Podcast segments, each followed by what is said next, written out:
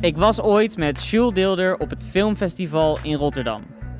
Hij overleed dit jaar en ik moest daar opeens aan denken tijdens de openingsavond.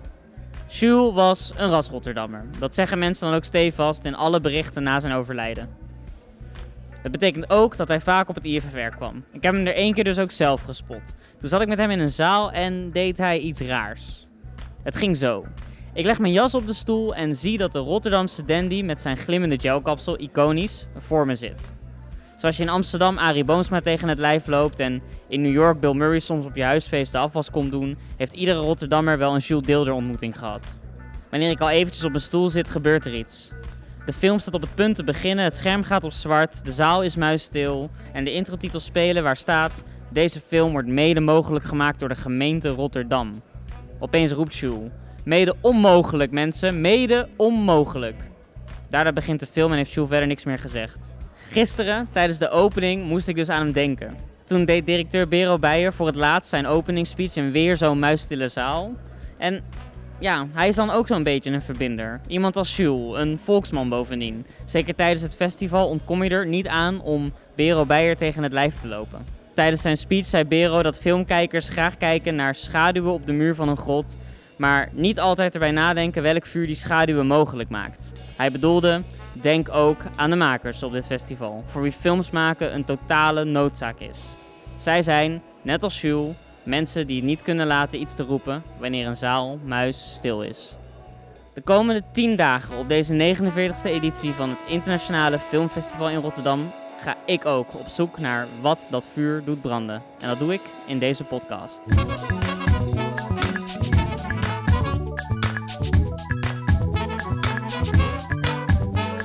Welkom bij de allereerste aflevering van de VPRO IFFR Festival Podcast. Een festivalgids op zakformaat waarbij ik, Cesar Majorana, de eer heb talenten op dit festival te spreken en tipgevers te ontvangen die ons precies kunnen vertellen wat de pareltjes van deze IFFR-editie zijn. En ik doe dat allemaal vanuit het festivalhart tussen de speurende journalisten en enthousiaste filmkijkers hier in De Doelen. Straks, dan ontvang ik Ibrahim Aloui Shrifi. Hij heeft een bijzondere taak. Hij programmeert voor CIMENA, waarbij MENA staat voor Midden-Oosten, Noord-Afrika. Want daar komen films vandaan die hij kiest voor IFFR, waarvan hij zegt, daar moet de aandacht op komen. Dit jaar vertoont hij iets waar ik zelf ook ontzettend lyrisch over ben. Maar eerst iets anders. We beginnen deze uitzending meteen met een, ja, een eigenlijk. En dat klinkt ranziger dan het is, maar de gast is Lela de Munk van de film Drama Girl. En zij is hier voor het eerst op een filmfestival met een film. En ja, dan zeg ik film, maar Drama Girl is eigenlijk nog veel meer. Het is een documentaire over het maken van een film, volgens mij. En die film die moet dan gaan over Leila zelf. Zij verloor haar vader en in het proces wat volgt gaan de dingen in haar leven niet zo lekker.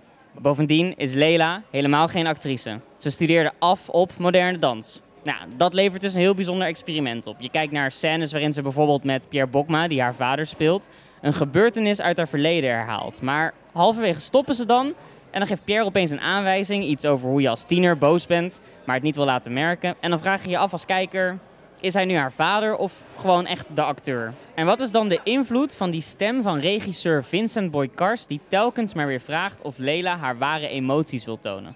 Ik ga het allemaal vragen en dat doe ik nu aan Lela de Munk, want ze is hier te gast. Lela, welkom op de Hoi. 49ste editie van het IFFR. Kun je mij nou vertellen hoe jij hier beland bent? Want jij bent geen actrice en je bent ook nog nooit eerder op een filmfestival geweest, begreep ik. Uh, nou ja, onze film gaat vanavond hier in première.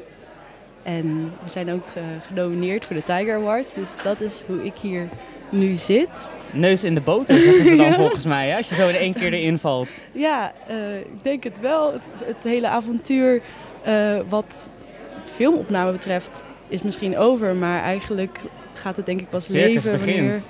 Ja, de mensen het gaan zien. Laat ik daarbij beginnen. Waar gaat Drama Girl voor jou over, die film? Ja, het is uh, nogal een complex uh, experimentje. Maar ja, voor mij gaat het over hoe je met bepaalde situaties omgaat of hoe je met bepaalde herinneringen omgaat en gevoelens. Meer dan wat is er gebeurd, gaat het echt over hoe, hoe ik ermee om ben gegaan of hoe ik er nog steeds mee omga. Dat ge geeft het denk ik bloot. En, en hoe zag dat plan er op papier uit? Want eerst is dat een idee wat nog niet verfilmd is, maar gemaakt moet gaan worden. Mhm. Hoe werd dit bijvoorbeeld aan jou uitgelegd door uh, Vincent Boykars, de regisseur? Ehm, ja, hij was op zoek naar iemand die bepaalde eh, life-changing experiences had meegemaakt. Life-changing experiences. Ja, ik kan het Nederlandse woord even niet vinden. Hoe zou ik dit in het Nederlands moeten zeggen? Levensveranderende ervaringen, denk ik zo. Goed. Ehm, eh, ja, hij heeft zelfs zijn vader verloren en zijn relatie ging in dezelfde periode uit. En dit heb ik ook meegemaakt op dezelfde leeftijd. In dezelfde periode van het jaar zelfs. Wauw. Ehm, en daarnaast hadden we heel erg een makersklik. Omdat we allebei heel erg geïnteresseerd zijn in het construct. Dus ik, ik ben danseres, maar ik vind het altijd heel erg interessant wat het construct van optreden, van performance nou is. Wanneer hebben we een gesprek en wanneer kijk je naar me en ben ik, ontstaat er een vierde muur, zeg maar. Mhm. Dus dit, dit, dit vonden we allebei heel interessant. En we hebben hetzelfde meegemaakt, achtig. Dus dit is een soort van de bron geweest. Alsof er eigenlijk heel weinig overtuiging voor nodig was om jou een film te laten maken die onder andere gaat over ja, het overlijden van je vader, wat toch iets heel heftigs is in je leven. Ja, klopt wel, inderdaad.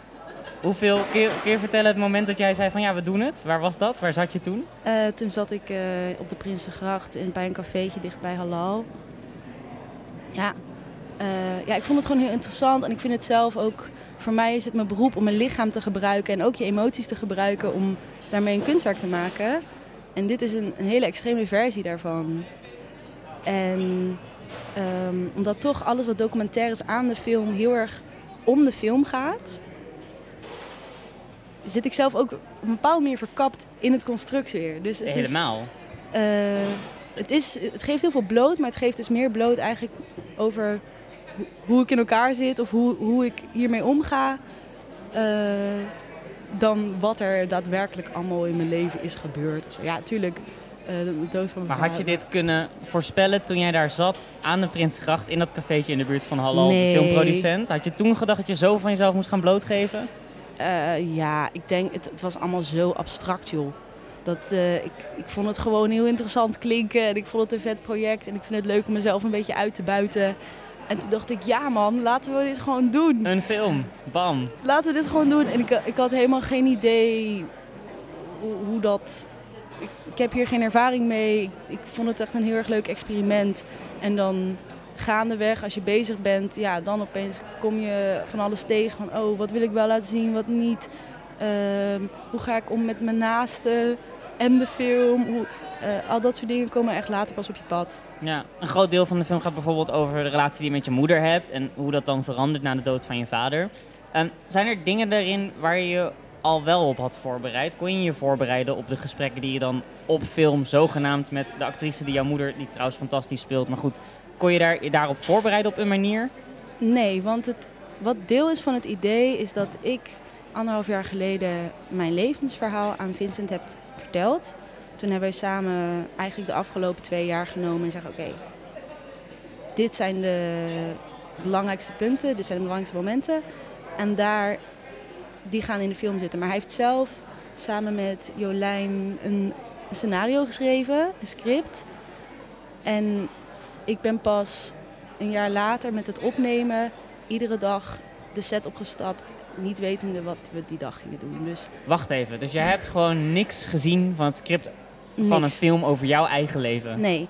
Dus in die zin is de film Vincent's interpretatie van mijn levensverhaal. Dus ik vertel een verhaal hoe ik mijn leven heb beleefd. En daar maakt hij weer een script van. Dus het is een, het is een verhaal over een verhaal over een verhaal in die zin. Ja. ja, want ik dacht ook goed om dit verschil aan te stippen.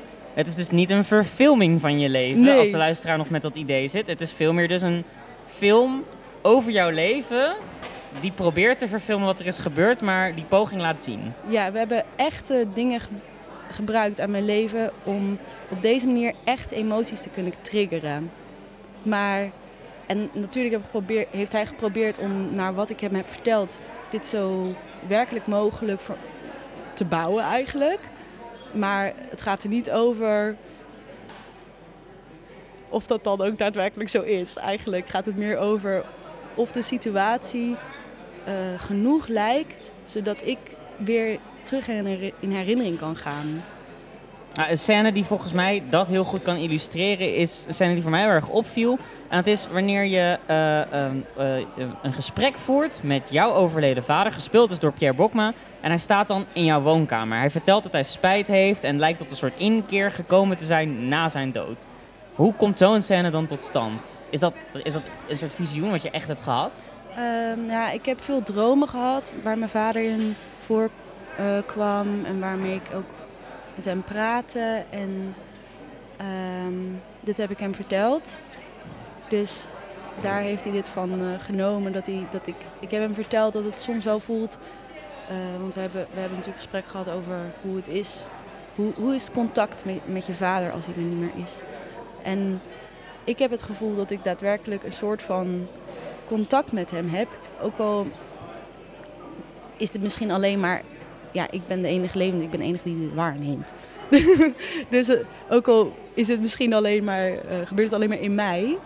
eh, heb ik het gevoel dat ik, omdat alle dagelijkse bullshit weg is... de essentie van mijn vader beter begrijp. Of beter kan voelen van wat de verstandshouding dan is. Maar dan is het vreemde wel, je stapt een filmset op. Je, je hebt niet, niet het script gelezen. Nee, Opeens ga je de scène met een droom van je vader die dan daar echt staat voor jou, ga je spreken, Ja. spelen. Je spreekt die man. Hij trekt allemaal conclusies. Pierre Bokma vertelt opeens dingen waarin dus blijkt dat jouw vader anders denkt over de fouten die hij heeft gemaakt. Dat hij graag zou goed willen maken. Het is ook heel erg een soort, bijna een soort pleister waar je naar kijkt volgens mij. Zo zag het eruit. Dat, Ja. dat dingen voor jou ook een beetje opgelust kunnen worden dankzij zo'n film. Ja, ik denk voor mij voelt dat niet echt als een pleister, omdat ik Vincent ook over die dromen heb verteld. Dus ik ben door allemaal stadia heen gegaan. En ik denk dat de film wel een nieuw stadia is, van verwerking misschien, of van, ja, sowieso. Ja. Maar eh, dat is alweer een stadia daarna. Na de verwerking komt de film. Nou ja, Zou je het mensen aanraden, vraag ik me dan af, die in een verwerkingsproces zitten? Ehm, God, dat weet ik eigenlijk niet. of ik het zou aanraden. Het is misschien wel, het is wel heel erg interessant als je scènes uit je leven opnieuw speelt. Omdat je jezelf opnieuw moet stationeren tegenover een andere persoon. Je hebt ook van die therapie hè, met, met paarden. Precies. Dat dan mensen zeggen... Oh, paarden. ja, ik dacht ja, je kan ook met- dat je ja, ging familieopstelling, Maar dat kun je dus ook met paarden doen. Ik denk paarden, dat vind ik, ik hou van paarden. Ik vind dat een mooie voorbeeld. Mooie beest. Maar dan zet je zo'n paard neer en dan zeg je... Jij bent nu mijn vader en ik ga tegen jou vertellen wat ik voel over onze... Ja, precies. Want was het zo? Ja, een, een beetje. Alleen het enige verschil dus is dat mijn vader geen paard was, maar bijvoorbeeld Pierre Bokma. En dat ik dus ook aan Pierre Bokma kon vertellen van... hé, hey, zo klopt de dynamiek niet helemaal. Volgens mij zou het meer zo zijn geweest. Dus ik, was, eh, ik kreeg een opdracht. Eh, die opdracht moet ik een soort van ver- verwerken en doen. Maar ondertussen moet ik ook andere mensen vertellen hoe zij... Het moeten doen. Ja, Heel bizar. Het, het, is een, het is een ingewikkelde constructie. Maar ik denk dat het gewoon het beste is als je gaat kijken. Want dan, dan, dan valt het misschien op zijn plek. Ja, 100%. De film wordt binnenkort, is binnenkort eh, eh, buiten IFR gaat hij ook nog in de bioscoopzalen in première. Dat is in de lente, als ik me niet vergis. Ehm, ben je een beetje voorbereid op reacties van mensen? Waar hoop je op en waar ben je bang voor? Ehm, ja, natuurlijk hoop ik gewoon dat iedereen het hartstikke fantastisch vindt. Want dat hoopt iedereen over zijn film, denk ik. Eh, en waar ik bang voor ben... Ik ben niet zozeer bang voor andere mensen of voor, voor meningen. Maar ik ben eerder dan bang voor... Dat ik me er iets van aan zou trekken. Wat misschien op hetzelfde neerkomt. Dat komt volgens mij, ik ben heel even op papier deze berekening Maar- aan het uitschrijven en ik zie nu dat dat op hetzelfde uitkomt. Ja, maar ik, ja, ik weet het niet. Ik, ik laat alles een beetje over me heen komen. Natuurlijk zit ik wel voor spanning, maar ik heb geen specifieke angsten eigenlijk. Er is een rol in de film weggelegd voor Jonas Smulders, die speelt jouw ex. Ik heb zitten kijken naar de film. Ik vond jouw ex niet zo'n hele aardige jongen. En ik kan me wel voorstellen, als jouw ex deze film moet... Heeft hij hem al gezien? Gaat hij hem nog nee, zien? hij gaat hem vanavond kijken. Ik zou, me toch wel ik zou het wel in mijn broek doen, toch een beetje. Ja? Oh, ik vond hem juist wel lief overkomen. ik vond het allemaal wel heel erg meevallen eigenlijk. Maar ja, dat is dus het grappige. Als je zelf in zo'n project zit, wat gaat over jezelf, dan kun je helemaal niet meer goed zien hoe dus dingen overkomen. Nee. En misschien is dat ook uiteindelijk waar het project op, op uitkomt. En dat Ja. is... eh, Vincent heeft het gezegd volgens mij tegen de eh, Telegraaf eh, van de week. Maar hij, hij denkt ook dat voor mij de grootste confrontatie vanavond gaat zijn. En dat zal mij niet benieuwen. Het zal mij ook zeker niet benieuwen. maar ik ben wel toch benieuwd om, eh, om te zien hoe dat dan gaat zijn. Drama Girl is te zien op IFFR. De première is uitverkocht en de eerste reguliere vertoning ook. Maar zondag 26 januari en zaterdag 1 februari zijn er nog tickets verkrijgbaar voor dit opvallende filmexperiment. En later dit jaar, dus in de lente, wordt de film ook uitgebracht. Leila, dankjewel. Ik kijk er zo naar uit. Ik ook. Veel plezier op je première. Dankjewel.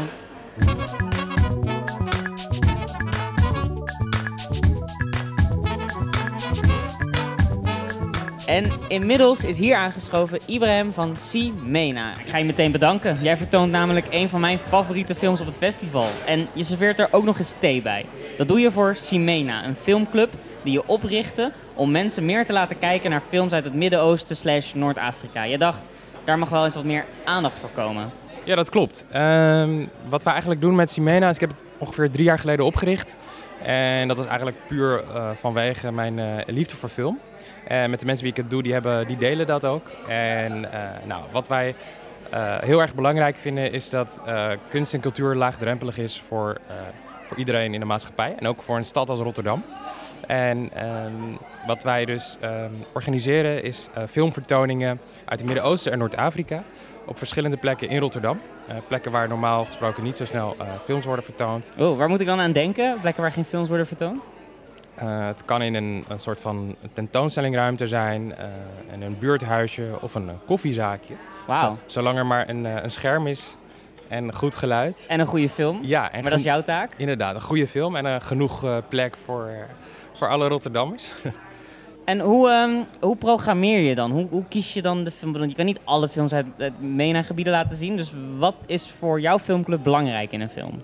Nou, ondanks dat er heel veel films worden gemaakt uit dat gebied, ehm, selecteren wij meestal gewoon op, een, op onze eigen favorieten. Er zijn altijd hele goede films uit Iran, maar ook uit andere landen uit het Midden-Oosten en Noord-Afrika.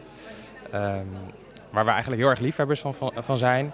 En dat zijn er eigenlijk te veel om op te noemen. Dus zo heb je eigenlijk bijna elke maand of elke twee maanden heb je weer de kans om, eh, om zo'n parel te kunnen vertonen.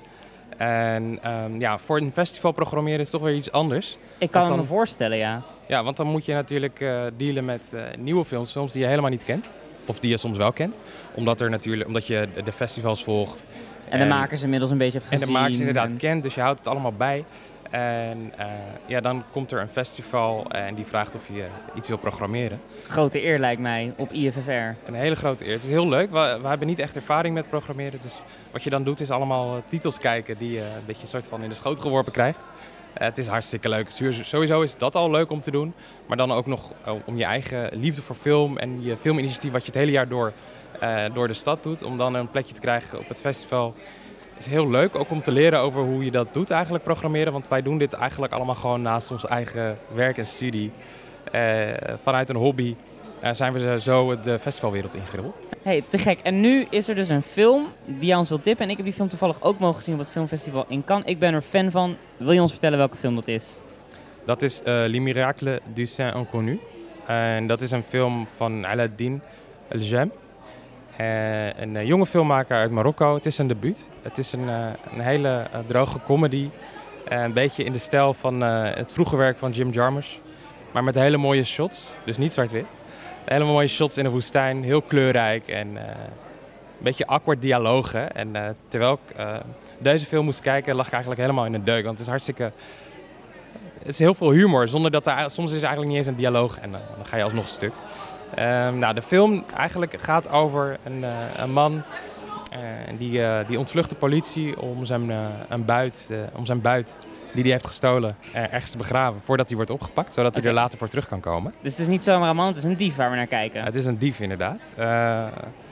En ehm, nou, in de tussentijd, terwijl hij in de gevangenis zit, wordt er een, een heel dorp, een heel mausoleum gebouwd. Precies op die plek waar hij zijn buit heeft begraven. En dan komt hij uit de gevangenis om die buit weer op te halen. En dan eh, belandt hij in een soort van eh, eh, Kafka-eske situatie. In het zuiden van Marokko. En nu hoor ik, het is een Marokkaanse jonge jongen. Hij is een dief. Maar jij zegt, het is niet per se een hele politieke film. Nee, de manier waarop eigenlijk, eigenlijk alles wordt gebracht is een beetje op een absurdistische manier. Waardoor je eigenlijk een soort van heel erg los staat van de inhoud. En met een hele frisse blik kijkt naar wat er allemaal gebeurt.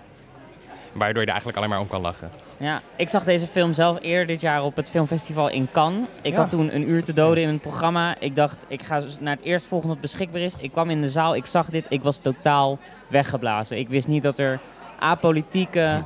Nou, nee, misschien is apolitiek een belediging, maar ik wist niet dat er gewoon zulke sterke, plotgedreven films gemaakt werden in Marokko. En ik was nou, totaal verliefd ook op het steltje en het smaakje. Dat is natuurlijk ook hilarisch. Als je, Ja. je bent een dief, je verstopt je schat, er wordt een dorp omheen gebouwd. En ja, hoe, hoe word je dan vrienden met die mensen? Hoe zorg je ervoor dat je naar binnen werkt om ja, toch op je goudschat... Je hebt daarvoor vastgezeten immers. Dus Ja, inderdaad. de Ja. film is... Uiteindelijk kijk je gewoon naar een heel entertaining soort drama van een, een gast die gewoon een onhandige, domme fout... zoals heel vaak in films worden gemaakt, eh, maakt. Ja, inderdaad. En ja, Marokkanen kunnen dat ook gewoon. Die kunnen ook gewoon leuke films maken. Dus Ja. eh, dat is mooi om, dat daar, ook, eh, om daar dan ook eh, aandacht aan te besteden. Wat doe jij met je filmclub verder nog hier op de IFFR? Ga je veel zien? Heb je dingen waar je nog verder naar uitkijkt? Nou, ik ga zelf inderdaad natuurlijk gewoon als festivalliefhebber heel veel films af en bekijken.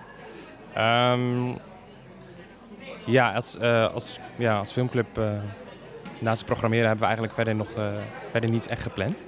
Oké, Dus, eh, een soort kijk wel wat er getesoveren, nog, film eh, kijken, ja. napraten met elkaar. Ja, nou, Oké, en ja. dat kan dus op vrijdag 24 januari in Lantaarnvenster. Ja, vrijdag, morgen, om 9 uur in de Lantaarnvenster. Een film om te gaan zien op het festival dus. Ik zeg nog één keer de titel, Le Miracle du Sang Inconnu. En hij draait dus onder andere morgen, vrijdagavond 24 januari in Lantaarnvenster. Maar mocht je die screening missen, dan heb je ook de kans op woensdag 29 januari, donderdag 30 en vrijdag 31.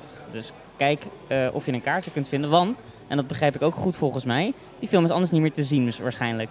Nee, klopt. Het is best wel onzeker of deze film nog later wordt uitgebracht in Nederland. En dat is eigenlijk ook de reden waarom we hebben gekozen voor deze film. Eh, omdat ja, dit misschien toch wel een buitenkansje is om deze mooie, prachtige parel mee te kunnen pikken. Yes. Kaartjes eh, aan de festivalkassa of op de website van IFFR. En zo zijn we aan het einde van deze aflevering. Het team van VPRO Cinema is hier het hele festival verhalen aan het verzamelen op nou, onder andere onze Instagram, @vpro_cinema, maar ook op de website cinema.nl en natuurlijk in deze podcast. Later deze week spreek ik bijvoorbeeld maker Mees Pijnenburg over zijn film hier. En ook Martin Koolhoven die op het IFFR een masterclass komt geven. Heel benieuwd wat hij te zeggen heeft. Genoeg te beleven dus. Maar dit was hem voor nu. Maak er een mooi festival van. Ik ben er morgen weer, precies hier op dezelfde podcast. En ik zou het heel leuk vinden als je ons waardeert en je favoriete podcast hebt met een recensie. Maar ja, niks moet natuurlijk. Dankjewel voor het luisteren.